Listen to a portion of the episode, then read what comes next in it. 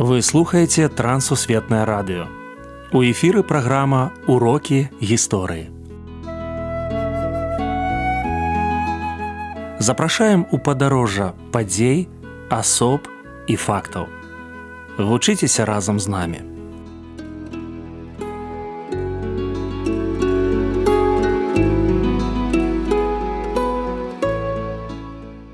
Добры дзень сябры перад мікрафонам сяржук брышцель і кандыдат гістарычных навук Андрусь унучак. Сёння мы пагаворым пра горад беларусі гродна. Прывітанне Андрусь. Прывітанне сяржук прывітанне шаноўныя слухачы. Што нам трэба ведаць пра горад які называюць беларускай прагай?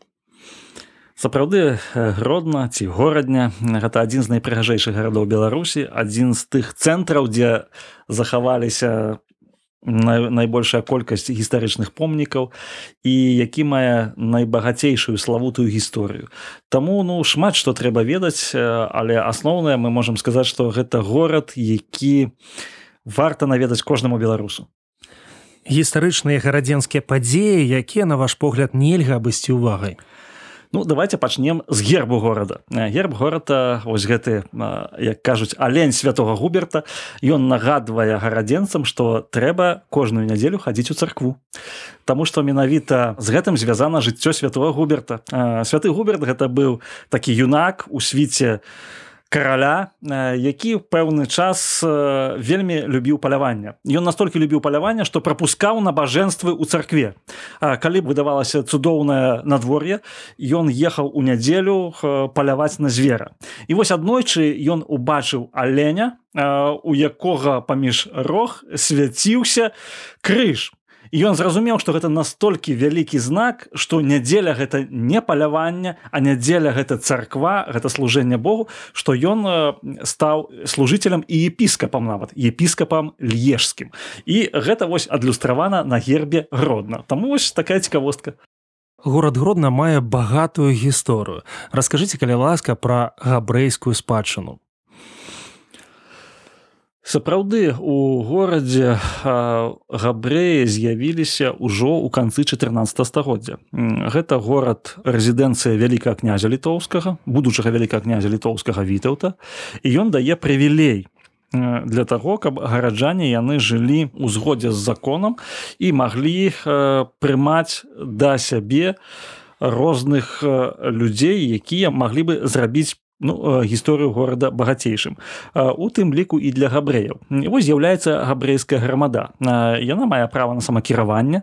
І габрэі яны напрыклад нават у пачатку два стагоддзя яны складалі до 40 процентаў жыхароў гораду. Гэта сапраўды вялікая колькасць. Напрыклад у пачатку два стагоддзя было 100 хедераў на 100 хедераў это таких пачатковых габрэйскіх школаў. Быў ешыбот напрыклад вось быў такі знакаміты рэбе навум каплан які праславіўся тым што ён займаўся дабрачыннасцю. І гэта дабрачыннасць была настолькі выразна па ўсіх параметрах што ён стаў сімвалам тых людзей якія дапамагаюць бедным. І прытым не толькі габрэям але і хрысціянам таксама. Мы можемм сказаць пра гарадзенскае гетта якое было знішчана ў 42 годзе. І сапраўды вось у горадні ёсць вялікая частка габрэйскай спадчыны. Праваслаўная спадчына ну з праваслаўнай спадчынай мы можемм сказаць што гэта каложа градзенская каложа першы храм у горадзе які захаваўся да сёння адзін з самых старажытных храмаў увогуле сучаснай беларусі.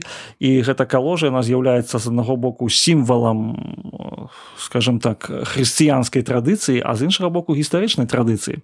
Бо менавіта з каложай звязаная найбольшая колькасць палітычных падзеяў у 12 13 стагоддзях калі горадня яна яшчэ не не была часткай вяліка княства літоўска каталіцкая спадчына каталіцкая спадчына для мяне это фара вітаўта. Гэта касцёл які быў заснаваны яшчэ у 15 стагоддзі і які быў зруйнаваны у 60 гады 20 стагоддзя. Это касцёл адзін з найвялікішых касцёлаў у беларусі. Памерах яго мы можемм сказаць што гэта сапраўды вялізны хрысціянскі храм. Пэўны час яго перабудоўвалі на праваслаўную царкву пасля зноў вярталі каталікам. Але пасля ўзарвалі яго савецкія ўлады. Нягледзячы на гэта гэта з'яўляецца сімвалам горадні і сімвалам страчнай спадчыны пратэстанцкая спадчына. Пратэстанцкая спадчына гэта мы можемм сказаць пра астафея валовіча старосту гарадзенска аднаго з кіраўніка рэфармацыі вялікім княства літоўскім і э, стваральніка статута вялікае княства літоўска таксама гэта гарадзенская кірха яна была збудавана яшчэ ў канцы 18 стагоддзя.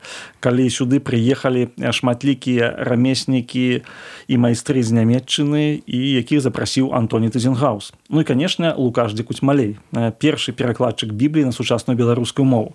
Плюс з горадняй звязана жыццё вялікага хрысціянска прапаведніка вільгельма фетлера. Менавіта з горадні ён меў сваю жонку варвару кавалеўскую. Таму мы можемм сказаць што пратэстанцкая спадчына таксама вялікая. У 2019 у гродна з'явіўся новы лагатып і слоган гродна я люблю цябе Чаму вам хочацца вяртацца ў гэты горад Ну для мяне асабіста горадня гэта горад незвычайны. Ну па-першае гэта горад каралеўскі. Ён быў рэзідэнцыяй і вітаўта ён быў рэзідэнцыяй стэфана баторыя. Ён быў горадам дзе адбыўся апошні соем рэчы паспалітай горадам дзе прымаліся вялікія палітычныя рашэнні. А з іншага боку гэта была другая сталіца беларускай народнай рэспублікі. У 1919 годзе туды пераехаў урад бнр на чале з антоном луцкевічам. І такое вялікае напластаванне розных падзеяў розных культур і розных вялікага значэння якое мае рознапланавае вялікае значэнне для беларусі гэта просто унікальная атмасфера. З другога боку захавалася старая забудова вось цэнтр гораду гэта дамы 19 стагоддзя. Просто жылыя дамы 1830 1840 году дзе сёння жывуць людзі. Ну, для беларусі гэта унікальная рэч. Это мы толькі можемм на захадзе э, толькі пабачыць такія вось пад'езды такія вось. Сімвалічна што стары мост злучае мінулае і сучаснае так так так.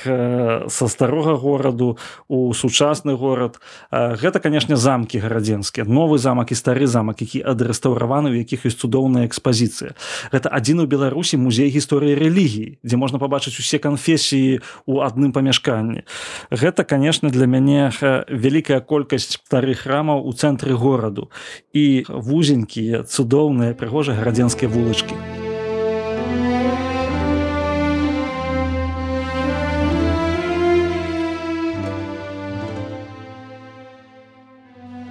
Гродна каралеўскі горад на рацэ Нёман паблізу мяжы Польшчы і літвы. Першая згадка датуецца 1128 годам. Горад размяшчаўся на скрыжаванні гандлёвых шляхоў і выклікаў вялікую цікавасць у крыжакоў і татараў, якія неаднаразова спрабавалі яго захапіць. У 1496 гродна атрымаў поўнае магдыбургскае права і крыху пазней свой уласны герб, што сведчыць пра высокі ўзровень эканамічнага і культурнага развіцця горада. З 1678 кожны трэці сойм рэчы паспалітай праходзіў у гродня падчас паўночнай вайны гродна быў разрабаваны шведскімі войскамі, але зноў паўстаў з руін дзякуючы Антонію Тызенгаузу. Яго прадмесце прататып ідэальнага горада, выдатны прыклад буйнамаштабнага будаўніцтва ў гісторыі архітэктуры у гродна захавалася два замка і каля 400 гістарычных аб'ектаў розных эпох і стыляў. У горадзе размешчана сінагога. Яе прызналі самай прыгожай у Еўропе. Яшчэ адна нагода наведаць гродна августаўскі канал, унікальнае гідратэхнічнае збудаванне. Гэта першы штучны водны шлях у Еўропе злучыў рэкі віслу і нёман сябры мы працягваем разам вывучаць Беларусь і захапляцца яе гісторыяй